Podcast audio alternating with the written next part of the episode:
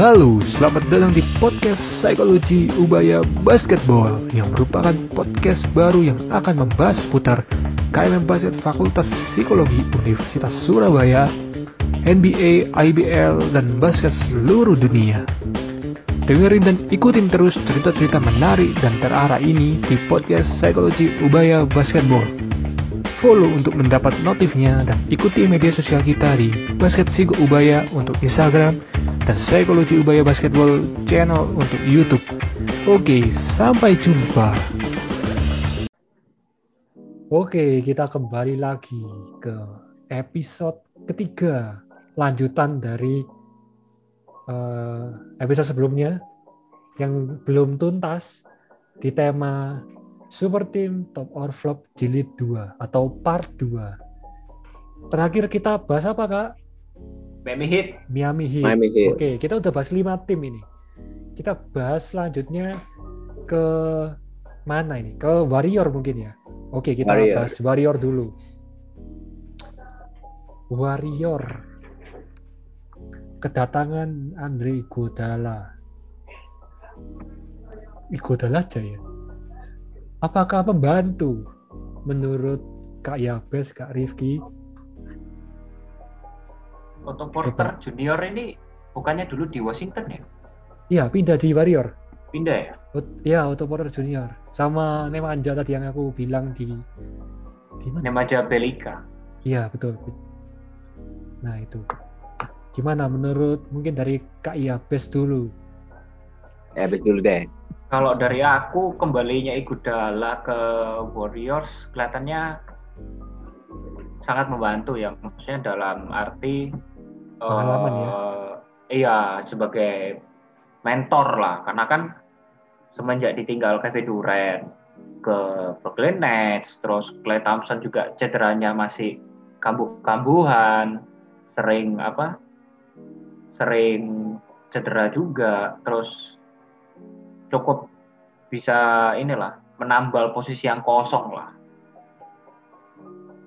Kalau aku sih Oke. starting five-nya tetap Curry, Clay, Andrew Wiggins main ke posisi small forward bisa, ikut dalam main 4, Eh, senternya Wiseman, kalau enggak siapa senternya tuh lah? Oh iya, Draymond Green.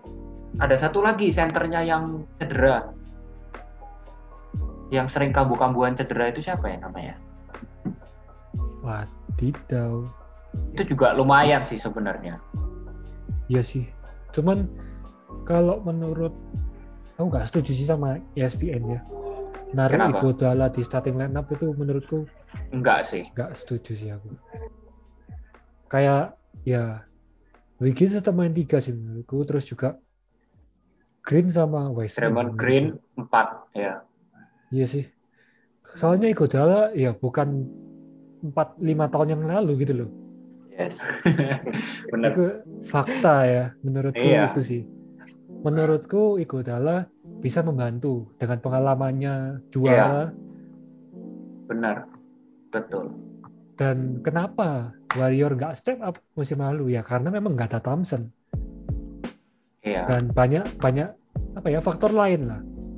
Dan menurutku musim depan Warrior bisa step up sih. Karena Yes. apa? Dengan Steph Curry, Thompson, Green, trio ini udah sangat-sangat bisa membantu Warrior. Kalau bisa diingat mungkin kayak zaman sebelum ada Durant bisa juara. Karena memang tiga ini yang memang dulu sama Iguodala ya. Iya. Tiga ini yang memang Pilar jadi utama ya. Betul. Apalagi ketambahan Andrew Wiggins. Andrew Wiggins mungkin ya bisa lah ya untuk sekarang mungkin better than Andrew Iguodala. Itu menurutku. Apalagi Wiseman pemain yang cukup cukup potensial, sangat-sangat Iya. potensial sih dengan permainan dia di musim kemarin itu ya Wiseman lebih layak untuk bersanding sama Green mungkin begitu. Kalau menurut Kak Rifki belum Kak Rifki. Kalau menurutku sih eh, apa ya? Yang paling dirindukan nih sama Warriors di musim kemarin memang benar si Klay Thompson ini jadi kayak apa ya? Si Curry ini nggak ada tandemnya gitu loh. Dan si Andrew Wiggins juga uh, sebenarnya pemain ini dibilang jelek juga nggak jelek, tapi dibilang bagus juga nggak bagus. Bagus.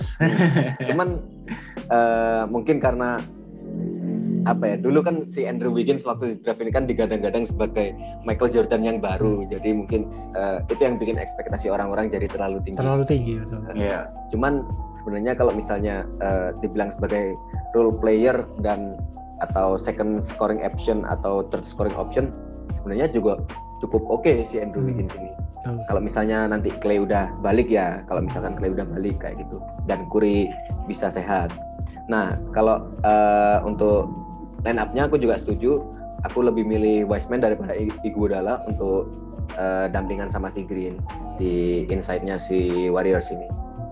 Terus untuk bench player-nya sendiri, aku sebenarnya paling apa ya penasaran sama si mainnya Nico Manion ini. Wah benar benar setuju Manion. setuju.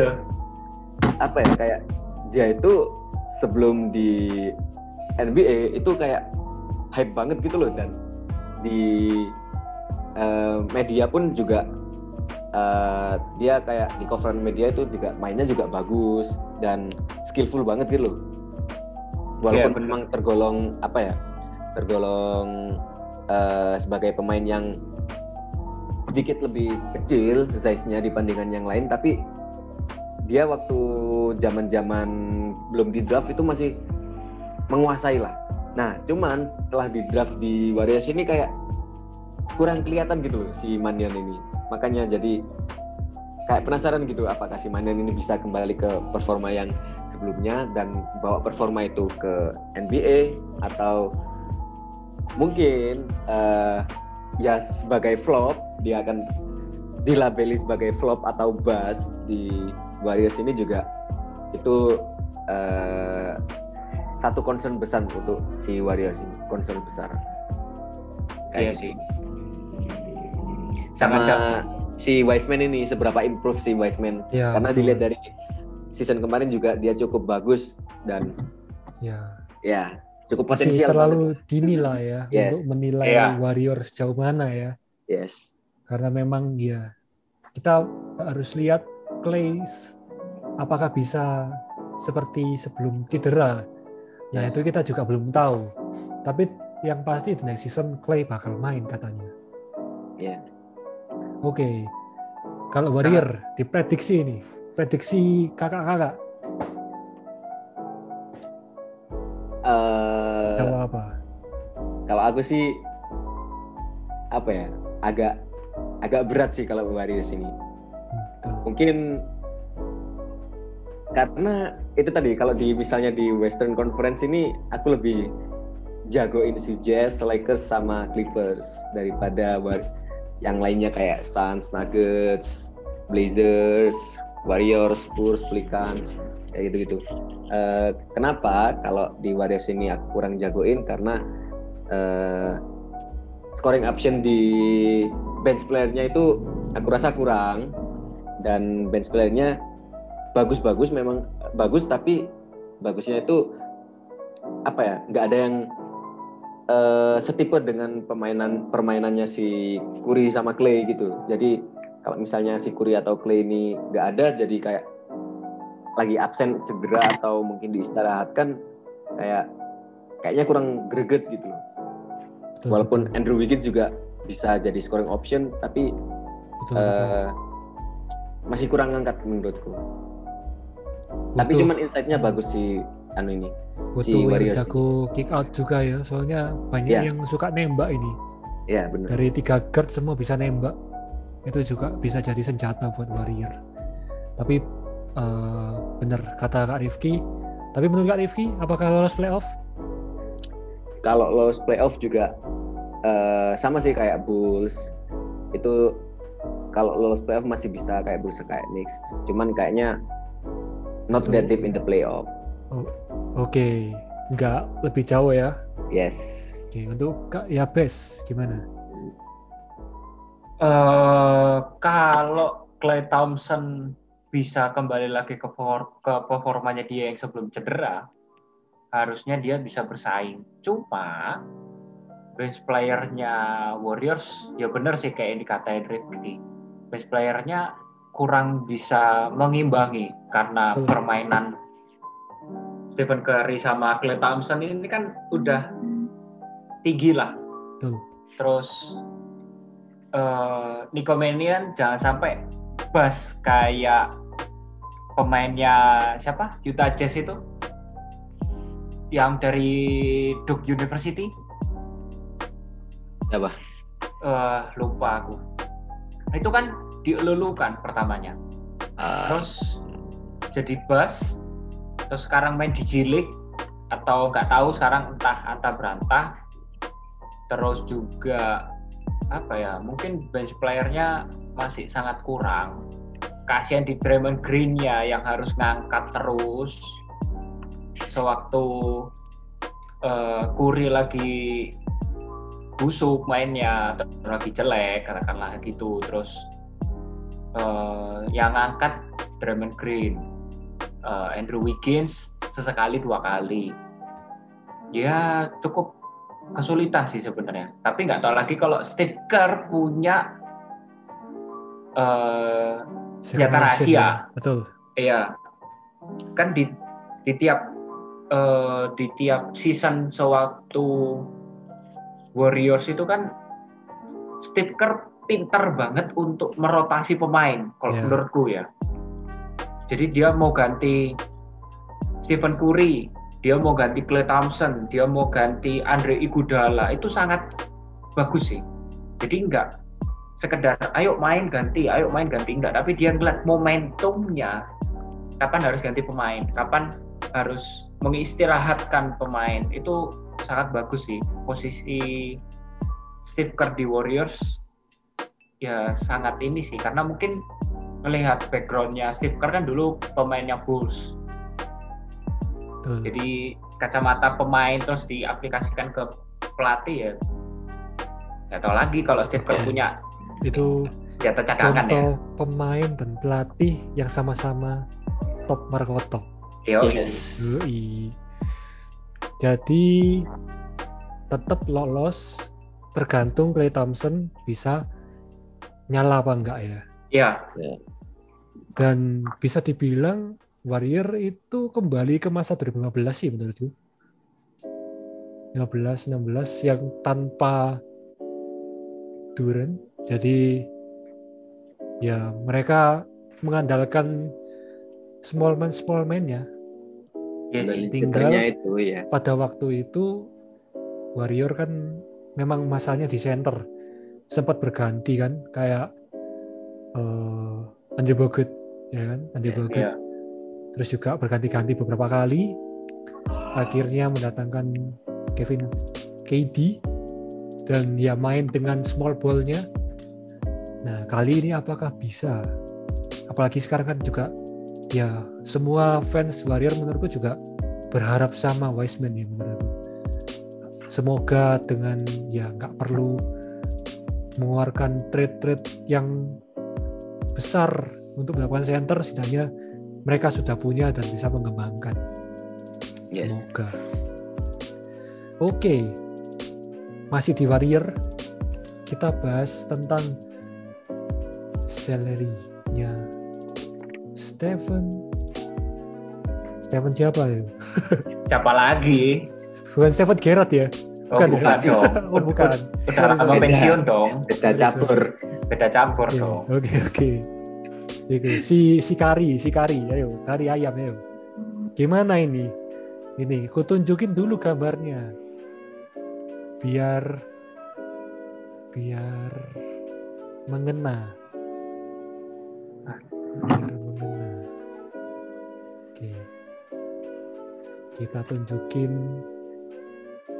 gajinya Stephen Curry yang 215 juta untuk empat tahun. Rekor. Rekor dengan salary tertinggi kalau dalam hitungan tahun ya per tahun. Karena kalau Giannis itu 228 juta tapi lima tahun jadi Stephen Curry ini jadi pemain pertama dengan bayaran per, per tahunnya lebih dari 50 juta. Gimana ini? Tanggapannya dari Kak Yabes sama Kak Rifki dengan sebesar ini. Sebesar ini Stephen Curry. Habis dulu deh, coba gimana Bes? Ya no debate lah. Apa yang perlu di eh, debatkan Stephen Curry yang di masa katakan eh, kalau menurutku ya pribadi ya nggak salah juga dia dikontrak dengan harga segitu karena Stephen Curry ini membuktikan gitu loh dirinya ke Warriors yang dulu di draft eh, katakanlah jadi bus ya waktu itu ya sempet jadi bus kan Hmm. terus beberapa tahun berselang dia dia udah bisa naik ke ngimbangi Monta Ellis zaman dulu Warriors Monta Ellis Iya. Betul, terus betul. akhir Monta Ellis keluar akhirnya Curry sendiri bertahan di sana ada eh, David West terus ya layak lah dia cuma kalau empat tahun dihargai segitu dengan perbandingan Giannis yang lima tahun eh, cukup. Berarti kalau empat tahun dia sekarang umur 33 ya? 31 ini 33 ya di umur 37 tahun di kontrak segitu ya nggak salah juga sih. Gila sih. kaya bro. Per detik 27 ribu. Eh, satu menit satu setengah juta satu jam 98 juta. Dihitung sendiri ya satu hari satu tahun dan empat tahun. Kalau empat tahun kalau dirupiahin 215 eh nol M. nol nol nol. Nolnya berapa? Enam M eh enggak enggak. Kalau udah miliar harusnya triliun sih dia. Iya. Ya nggak nggak salah juga sih kalau menurutku. Memang segitu pasarannya dia.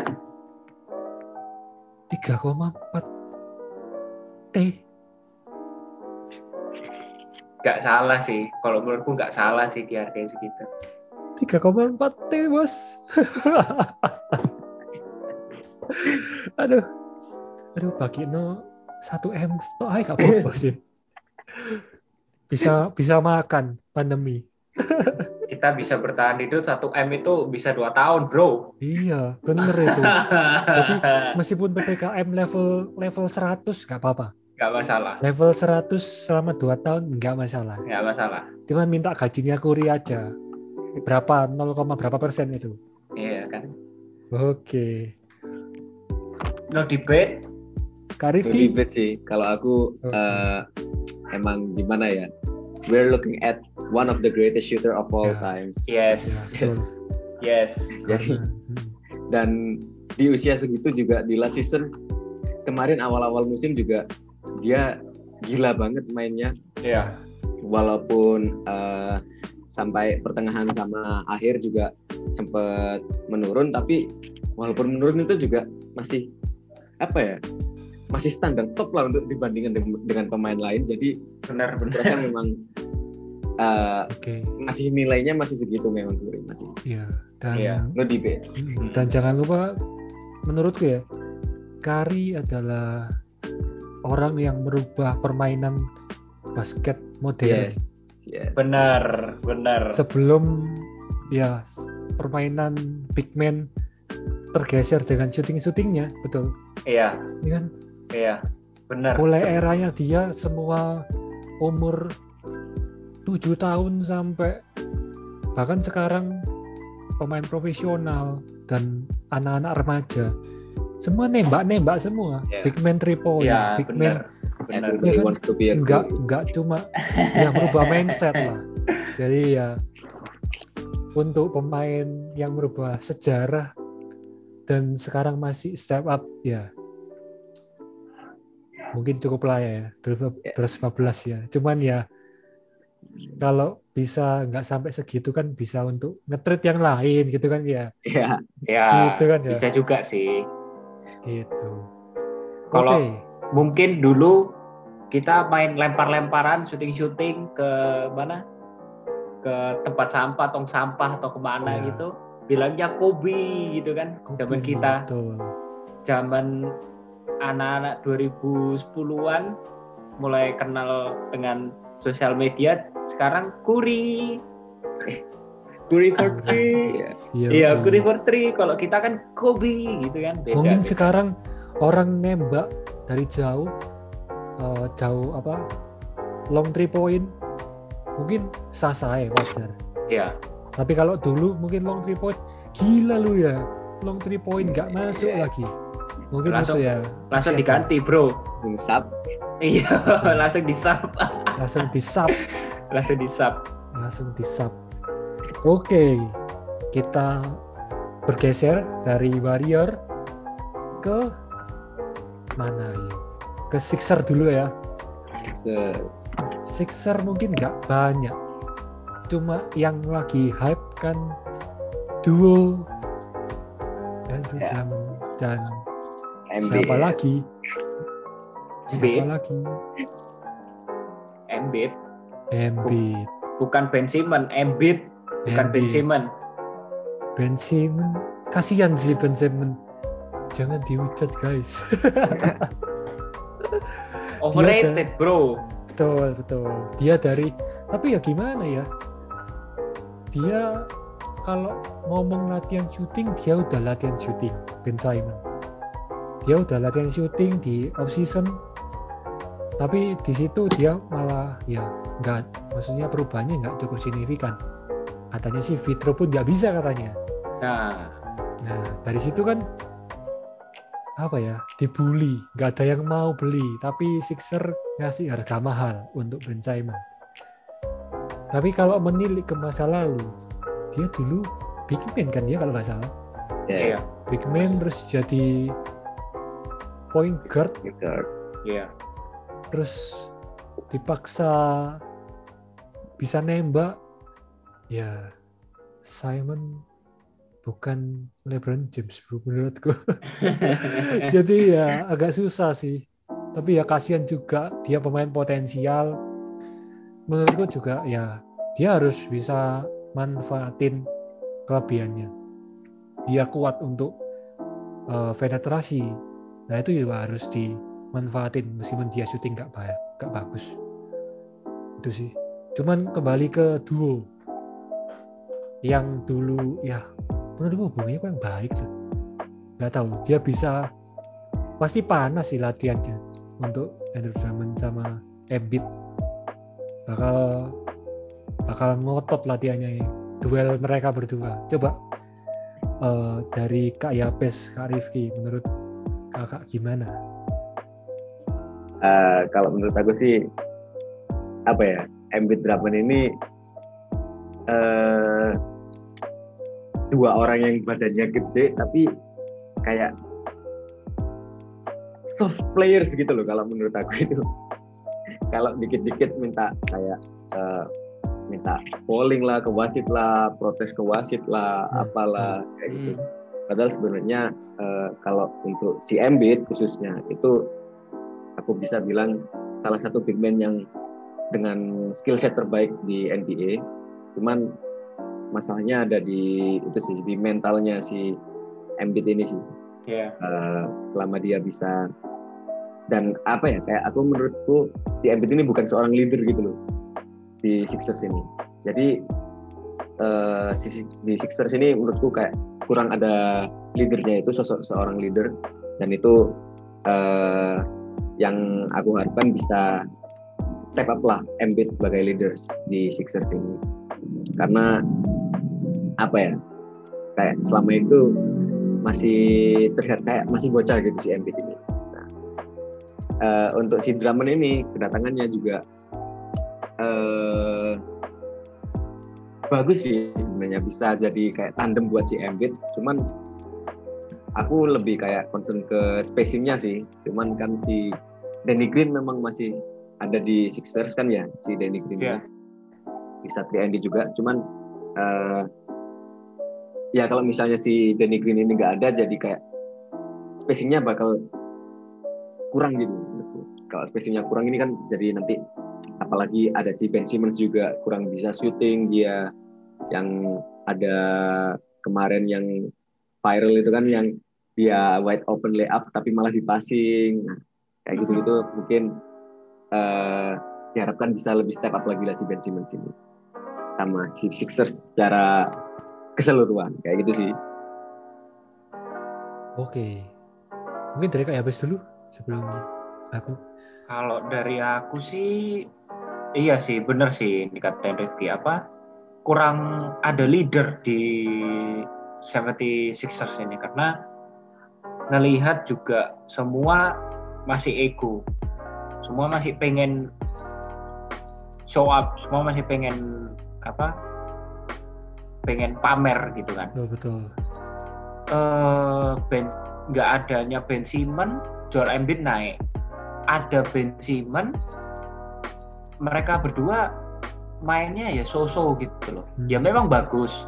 Secara statistik membantu tim memang bagus tapi kalau menurutku pribadi masih sangat dominan dua pemain ini. Masih belum ada yang mau ngalah. Mungkin karena pengen show off juga nggak tahu. Terus juga sebenarnya kalau duo Andre Drummond sama Joel Embiid ini ya kalau dibilang bagus sih bagus. Cuma ngelihat uh, umurnya Andre Drummond sama Joel Embiid harusnya bisa lah mereka berdua kerja sama kolaborasi uh, bisa apa ya siapa tahu mereka bisa jadi Blake Griffin dan DeAndre Jordan nextnya. Ya. apalagi dua-duanya juga uh, haus untuk pembuktian ya. Iya haus untuk pembuktian yang satu Andre Drummond itu dia pengen buktiin ya. Dalam arti dia di di masa senja ini masih bisa membuktikan bahwa dia bisa ngasih juara dan lain-lain sedangkan Joel Embiid yang musim lalu jadi peringkat dua pemilihan MVP nah menurut ini aku tanya dulu ke kakak-kakak apakah layak Joel Embiid uh, musim lalu menjadi kandidat di urutan kedua uh, peraih MVP di bawah Jokic kalau menurutku sih emang uh, layak sih karena si apa ya Embiid ini bisa dibilang kalau menurutku nyawanya dari Sixers ini. Karena kalau misalnya Embiid lagi underperform yang lainnya pun juga kayak susah, susah gitu loh buat uh, apa ya kayak perform kayak gitu kayak step up. Tapi ketika si yang lainnya ini mainnya biasa-biasa aja tapi si Embiidnya lagi nyala itu Sixers itu pasti chance untuk menangnya masih besar. Jadi kayak bener-bener carry the team si Embiid ini. Yeah. Sedangkan pada musim kemarin si Ben Simmons juga uh, kayak kurang oke okay lah, kurang oke okay yeah. mainnya kayak gitu masih underperform. Tapi uh, kalau balik lagi ke anu ya komposisi terus ternya lagi ya, uh, aku sebenarnya anu sih uh, si Sixers ini sebenarnya punya potensi jadi salah satu defense juga yang bagus di NBA karena hmm. dilihat-lihat kayak ada Matisse Tybel ini kan juga uh, dia terkenal sebagai salah satu defender yang bagus juga di antara pemain pemain-pemain muda terus ada Tobias Harris juga punya wingspan yang panjang juga Tobias Harris ini tapi uh, apa ya kayak sempet bisa dibilang hampir flop karena waktu di Clippers kan dia ngangkat banget gitu loh si Tobias Harris ini. Yeah. Karena waktu udah di Sixers dia kayak kurang jadi scoring option. Entah kenapa, mungkin karena kurang fit di sistemnya Sixers atau gimana. Justru malah Embiid memang improve sih. Jadi makanya aku bilang layak lah untuk jadi itu uh, eh, MVP di ranking kedua di MVP. Tapi kalau dilihat dari uh, kandidat atau voting dari MVP tahun lalu agak mengagetkan ya. Iya. Agak mengagetkan kayak ya mungkin Kuri ya di peringkat 3, Janis peringkat 4, Luka Doncic di bawah Chris Paul peringkat 5 dan peringkat 6 ada Darius Randle dari Cross di peringkat 8 9 LeBron James nggak masuk ya 10 besar LeBron James James Harden Kawhi Leonard. James Harden 13 James 14 Kawhi Oh. 15 oh nggak masuk di top 10 bahkan yang voting cuma satu satu satu. Oh my god. Russell Westbrook bukan 11 Benzema 12 bahkan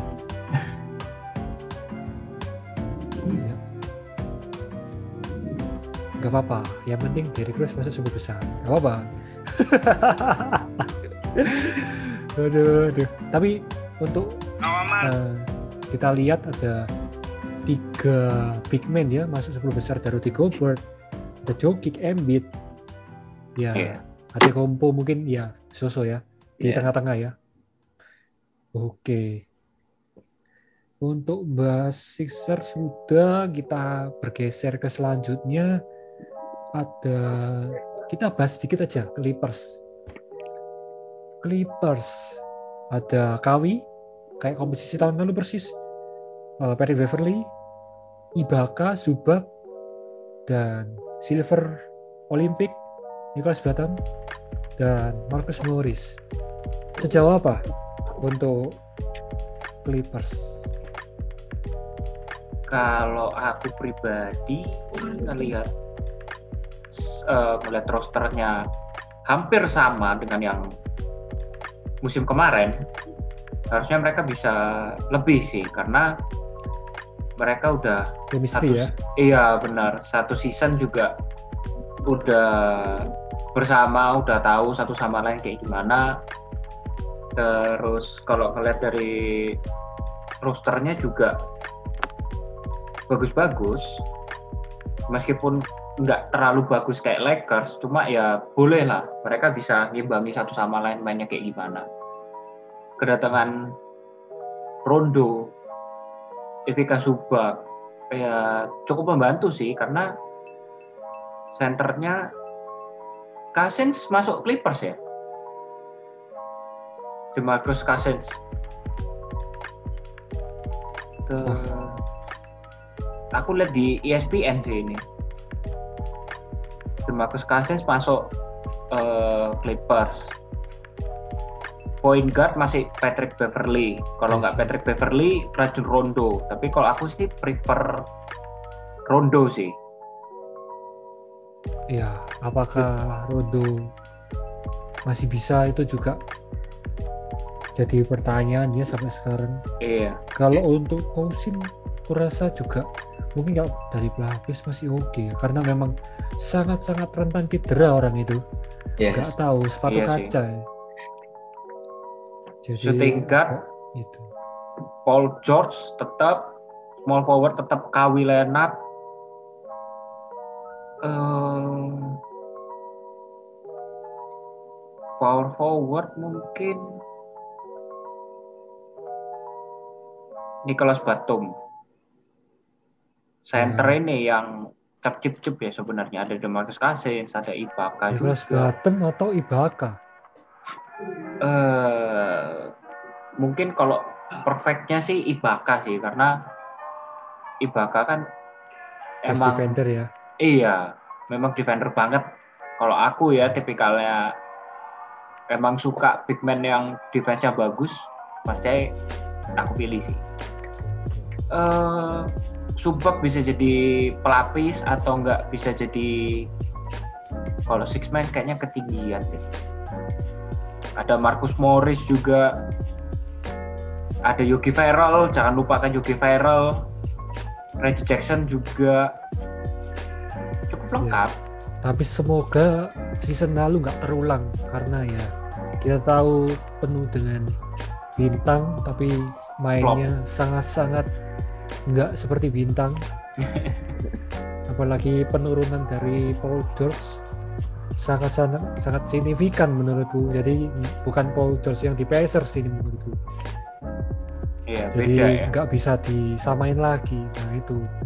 Tapi kan menurutku kayak berharap Clippers lebih aktif untuk trade, untuk untuk apa pertukaran pemain karena apa melihat tahun lalu cukup kurang berhasil komposisi ini. Jadi ada dua kemungkinan apakah bisa chemistry-nya nambah atau memang nggak cocok. Nah itu. Itu yang season depan kita harus lihat Clippers seperti apa. Mungkin dari Kak Rifki dulu. Ya uh, setuju sama yang diomongin sama Ken Ward. Uh, atau dinantikan ini karena bisa jadi make or break buat Clippers juga uh, untuk mempertahankan roster ini kayak gitu. Karena uh, apa ya si yang tadi udah episode sebelumnya sudah aku uh, singgung sebelumnya kayak si Paul George ini yang underperform di playoff kayak gitu. Terus Kawhi Leonard yang cedera terus uh, bench player yang nggak step up juga. Jadi uh, untuk uh, ini bisa mempercayakan dengan komposisi pemain yang sama itu uh, cukup mengejutkan juga sih sebenarnya. Cuman uh, ya balik lagi sih kalau misalnya emang bisa bikin ini lebih chemistry-nya lebih erat lagi ya oke okay ya who juga kayak gitu. Kalau untuk uh, dari komposisi pemain aku setuju sama ya best uh, point guard aku pilih Rondo lalu shooting guard aku pilih George. Uh, small forward si Kawhi. Terus untuk power forwardnya aku mungkin bakal milih Batum sih. Batum atau Marcus yeah. Morris tergantung dari komposisi musuhnya juga tergantung situasi di lapangan. Terus centernya si Ibaka. Oke. Main agak kecil ya. Yes oke mungkin itu aja ya yang bisa dibahas untuk uh, Clippers tapi mungkin sebelum itu singkat untuk prediksi Clippers sampai mana? Dari, Dari aku dulu nih mungkin. Oke. okay. Ya seperti yang tadi yang episode sebelumnya juga udah aku singgung juga. Uh, Clippers ini salah satu jagoanku di Western Conference. Jadi okay. selain si Lakers sama Jazz. Jadi kayaknya at least final conference. Final conference. Oke. Okay. Untuk Kak Yabes. Kalau aku sih setuju sih bisa final conference dengan catatan Kawi nggak cedera. Yes. Dengan catatan Kawi nggak cedera. Nggak cedera. Dan apa ya? Kalau kemarin Kawi cedera pun kasihan Paul George ngangkat timnya sendiri ya, sendiri dalam tanda kutip ya, karena uh, Paul George itu main waktu itu pernah 30 poin atau 40 poin sendiri. Yang lainnya sekedar ngalirkan bola ke Paul George yang eksekusi tetap Paul George aja. Kayak kasihan aja. Makanya kami capek. Oke. Sinyalnya unstable baru.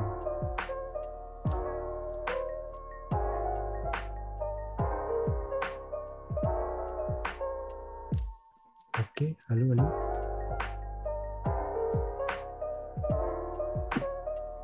Ngelek ya ya Ken?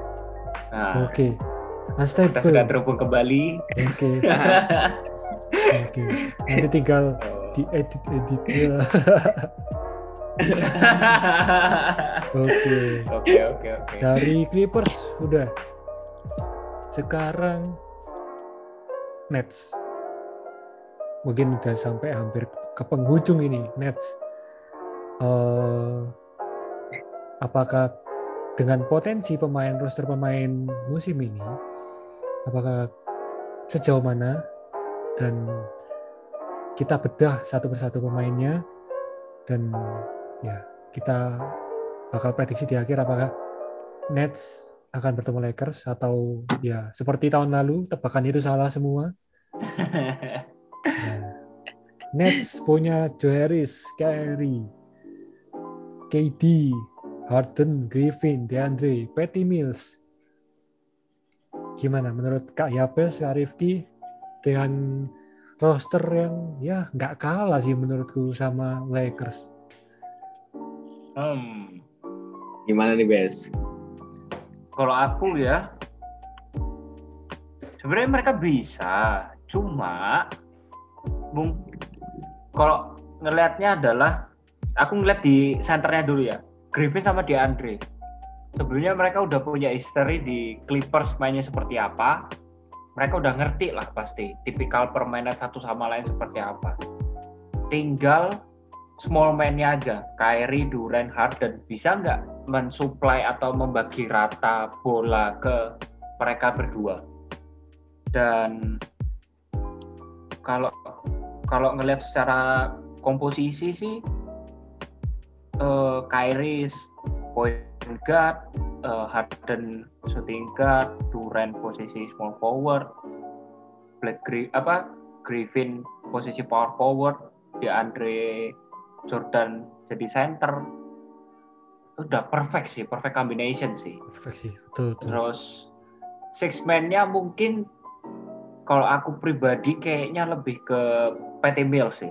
Karena tipikal Harden dan Kevin Durant adalah shooter. Joe Harris shooter. Betul. Eh, kalau Joe Harris shooter jadi six man kayaknya bakal ketutupan sama aura Kevin Durant satu, ketutupan sama aura James Harden dua. Hmm.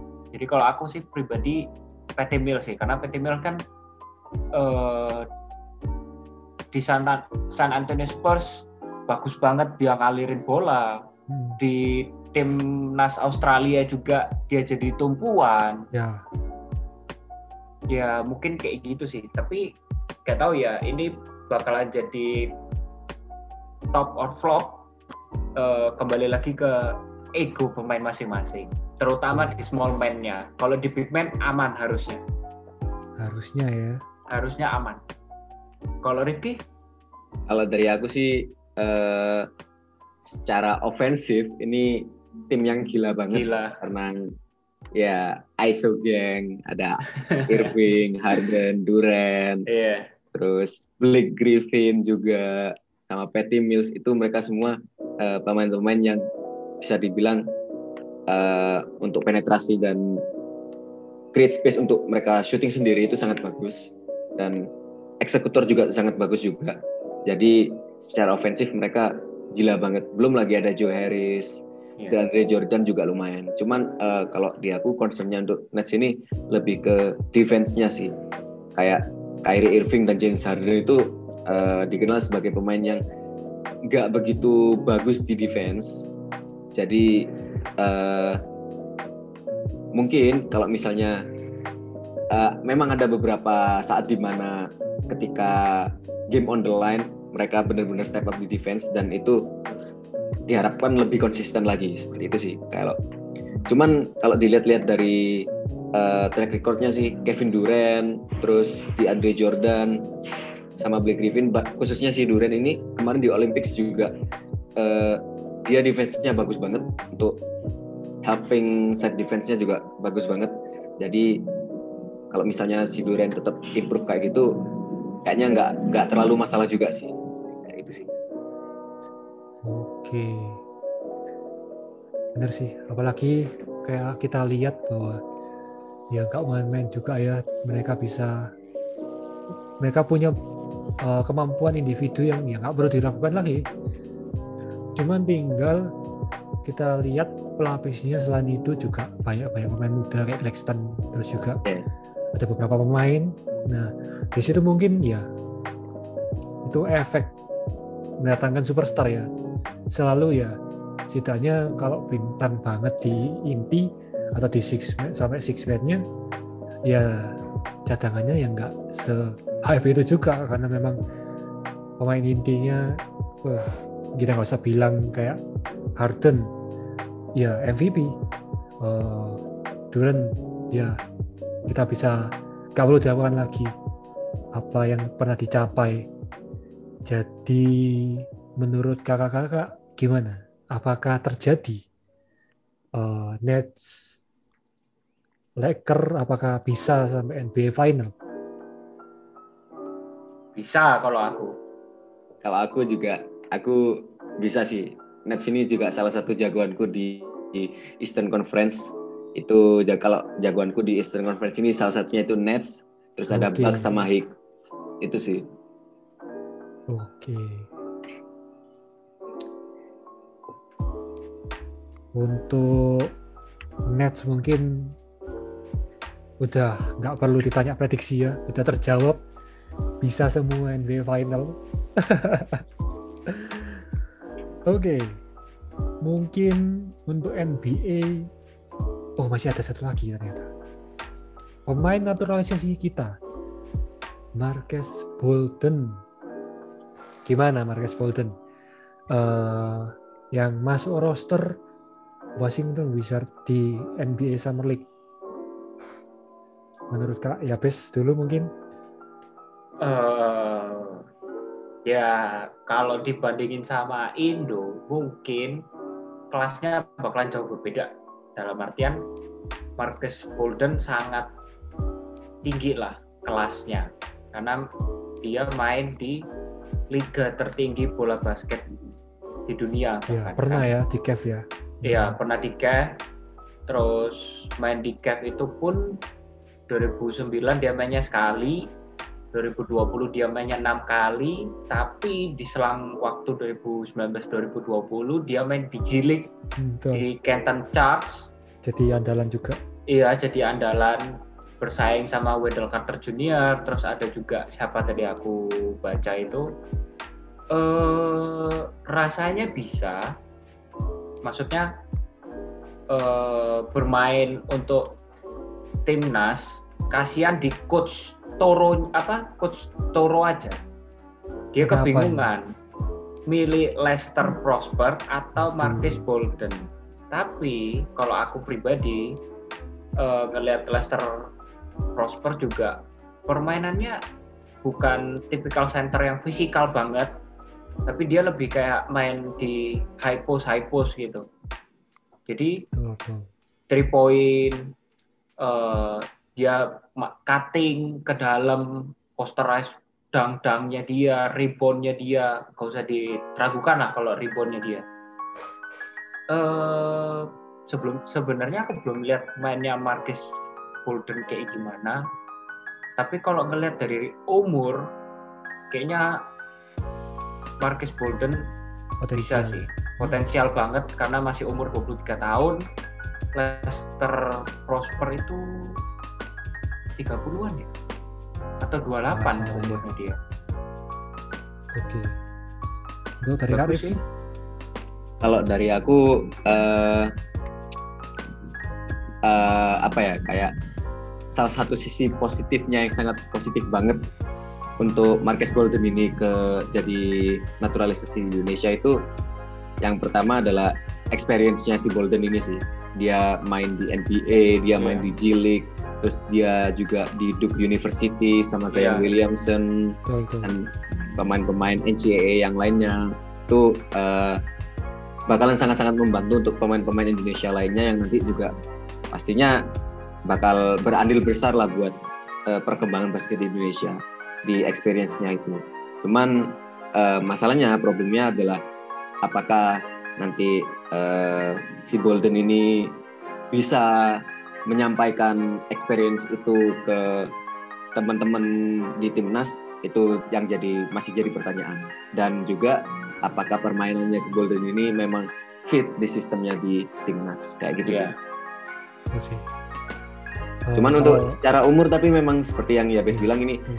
Masih muda banget dan jadi masih ada besar kemungkinan untuk si Bolden ini bisa improve lagi. Jadi memang eh, kalau aku bilang apa ya low risk lah untuk si Bolden ini untuk kita gambling ke si Bolden ini jadi low risk banget dan Iya. nggak ada salahnya juga kayak gitu. Apalagi kalau aku lihat dari Marcus Bolden ini spesialis defense.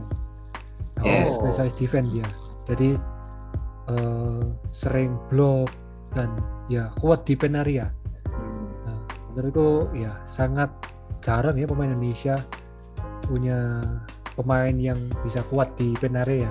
Yes. Apalagi aku lihat banyak blok-blok yang didapat sama Marcus Bolden di highlight highlightnya. Jadi kalau aku lihat sih sangat-sangat uh, bermanfaat untuk timnas Indonesia. Nah, tadi ke Koya Best prefer ke Marcus Bolden daripada Lester Prosper. Nah, kalau Kak Rifki gimana?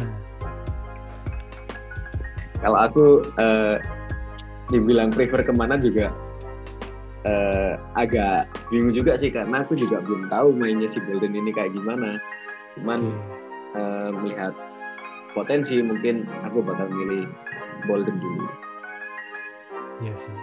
Dan uh, kasihan juga sih Laser Prosper ini dibully yeah. sama masyarakat Indonesia. Katanya kurang eksplosif katanya. Ya memang gimana ya Indonesia berekspektasi tinggi untuk iya, pemain asing. Terlalu tinggi. Pemain terlalu tinggi. Sedangkan ya, apalagi mereka berpatokan dengan ya beberapa ya udah beberapa kali dicoba sih Leicester Prosper dan mungkin itu jadi pertimbangan para fans basket Indonesia. Kenapa banyak kritikan untuk Leicester Prosper. Tapi semoga bisa saling mengisi meskipun hanya salah satu yang boleh yang bisa main karena memang slotnya juga uh, hanya dua gitu. Jadi ya semoga pasien Indonesia bisa berbicara banyak di FIBA apalagi kita bisa berkaca pada Filipina dengan ya mungkin pernah Jordan Clarkson ya dulu pernah sempat uh, membela dan berdampak signifikan untuk Filipina yeah. pada iya. waktu itu di event FIBA ya kalau nggak uh, salah. FIBA atau Asian Games ya? Nah, aku lupa Asian Games ya itu ya, Asian Kayak, Games. Kayaknya Asian Games ya, ya itu. kemarin itu. Jadi semoga bisa dan melebihi hmm. Filipina gitu. Untuk topik terakhir yang lagi hot USA dapat emas. Gimana USA dapat emas ini?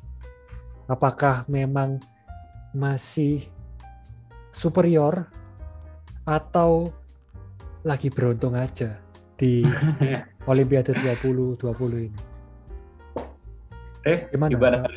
Kak Rifki? Uh, kalau dari aku sih uh, gimana ya kayak yang pertama kelihatan banget dari komposisi pemainnya yang di mana uh, eh, USA ini memang rata semua. Jadi baik secara fisikal maupun secara skill mereka juga rata nggak yang terlalu beda-beda jauh dan top semua gitu loh. Dan untuk yang eh, negara-negara lain pun sebenarnya juga udah mulai mengejar ketertinggalan sama USA cuman karena mungkin karena apa ya pemain-pemain USA udah terbiasa bermain di level yang tertinggi di NBA yang mana uh, liganya juga secara permainan itu lebih bisa dibilang lebih maju daripada uh, basket di belahan dunia yang lain. Jadi mungkin uh, kayaknya ya emang experience berpengaruh banyak sih di situ kayak gitu sih sama di itunya sih kayak yang tadi aku bilang apa namanya kayak komposisi pemainnya kayak gitu cuman uh, yang aku concern di USA ini kayak mereka itu beberapa kali kayak telat panas gitu loh waktu main. Jadi quarter pertama ketinggalan atau first half ketinggalan kayak gitu. Kayak waktu lawan Spanyol kalau nggak Spanyol sama kemarin itu Australia itu mereka sempat quarter pertama ketinggalan. Tapi memang waktu di quarter kedua mereka defense-nya kelihatan banget kalau ngotot, kelihatan banget mental juaranya. Baru mereka bisa kayak blow out musuhnya kayak gitu. Dan bau banget waktu three pointnya waktu awal-awal itu. Waktu first half kalau nggak salah di lawan Australia itu 10 atau 11 kali three point nggak ada yang masuk. Di second half baru ada three point yang masuk. Uh, cukup cukup ya parah ya untuk untuk sekelas USA ya. Ya. Tapi apakah pengaruh dari kedatangan Devin Booker uh, terus Drew Holiday dan dan Middleton? Apakah itu efek dari mereka bertiga jadi WSC lebih solid? Uh, mungkin sih karena uh, bisa jadi kayak ningkatin mental juga buat kalau kedatangan pemain yang baru aja jadi champion walaupun salah satu dari mereka juga finalis walaupun nggak jadi champion itu uh, mungkin bisa jadi kayak semacam naikin hype mereka biar uh, buat itu fokus di Olympics itu sih. Okay. Kalau dari aku mungkin kayak gitu sih. Nah kalau menurut kayak apa sih gimana kayak Bes? Uh, kalau ngelihat dibilang beruntung sih enggak. Karena bener sih ya kata Devi. Maksudnya jam terbangnya pemain US di level NBA level tertinggi basket itu sudah sangat berbicara. Terus juga skill uh, mereka udah sangat berkualitas. Mungkin uh, apa ya mental sih kalau jam terbang oke okay lah. Mereka semua pada bagus-bagus. Dalam artian sudah bisa main, bermain di level NBA itu sudah jadi poin plus lah tambahan. Mental juara yang kadang mungkin di setiap orang atau tim berbeda-beda. Terus kalau di tim yang lain juga mulai bener yang dikatakan Rifki mulai ngejar ketertinggalan uh, Prancis, Slovenia, Australia, bahkan Nigeria itu juga mulai mereka mulai pelan pelan tapi pasti mereka mulai mengejar NBA bahkan uh, ada aku lupa baca di berita mana. Di Nigeria tahun 2012 waktu Olimpiade di mana itu ya? Lupa aku. London. Oh ya Olimpiade London itu di Nigeria itu cuma ada satu pemain yang aktif di NBA dan itu pun pemain mediocre lah. Iya, okay. uh, uh, eh, Almino Faruk kalau nggak salah namanya di Nigeria di timnas Nigeria.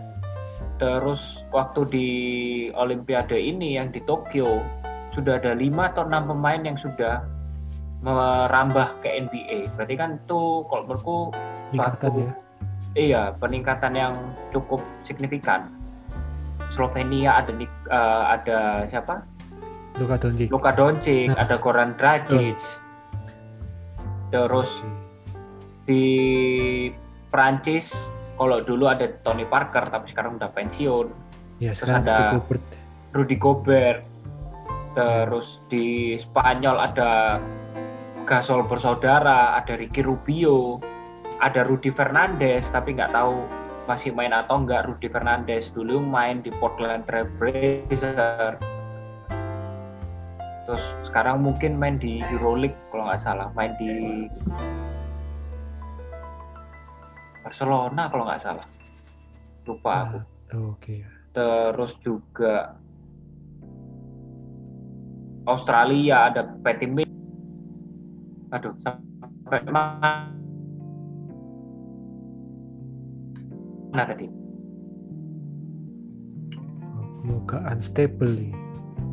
Wah, sama aku juga tadi ngadu. Oke, sampai mana tadi ya? Sampai uh, Australia? Australia, Australia. Ya, Australia. Australia. Ada Patty Mills. Uh, ada Joe Ingles. Australia juga.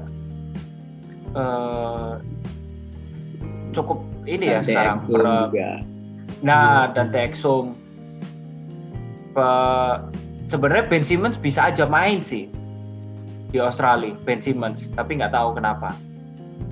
Uh, kalau dibilang beruntung sih kayaknya enggak ya, karena precision atau olim apa tuh sudah masuk Olimpiade itu ya, yang Amerika kalah sama Nigeria. Oh belum itu, itu belum masih, ya.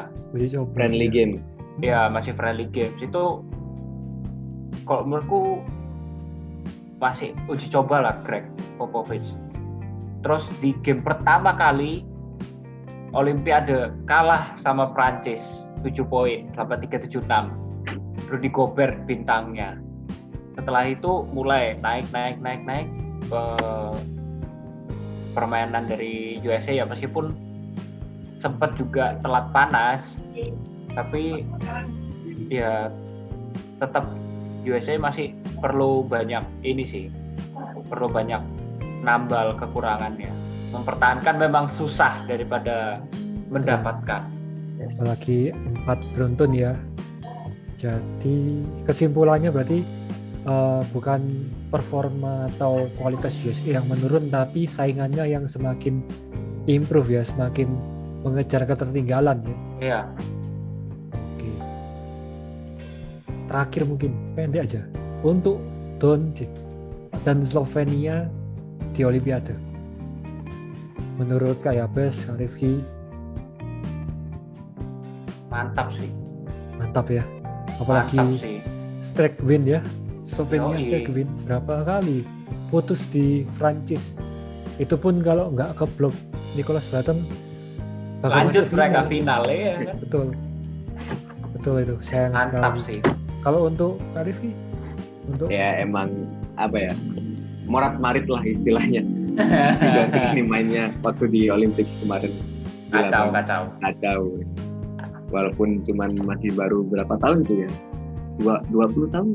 Ya Doncic dua tiga.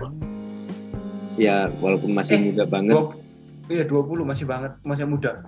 22 tahun ya Iya. walaupun masih muda banget tapi udah kayak eh, kelihatan lah dia udah main profesional dari usia yang sangat-sangat muda. Ya.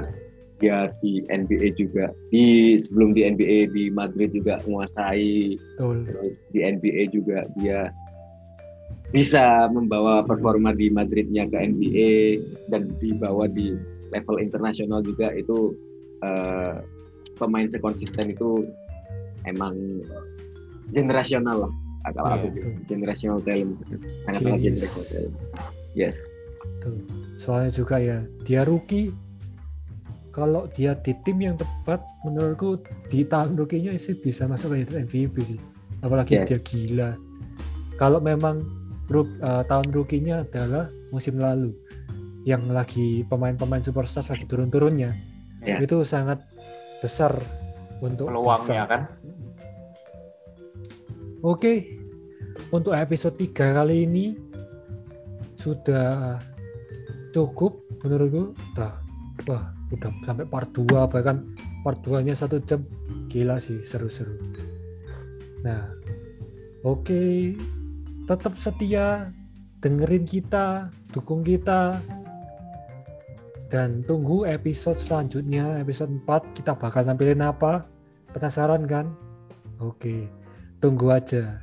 Jangan lupa follow Instagram kita di Siko underscore Ubaya untuk YouTube eh, Psikologi Ubaya Basketball dan podcast kita sendiri adalah Psikologi Ubaya Basketball atau bisa disingkat Popcast. Ah, mungkin baru tapi dukung dan nikmati karya-karya kita.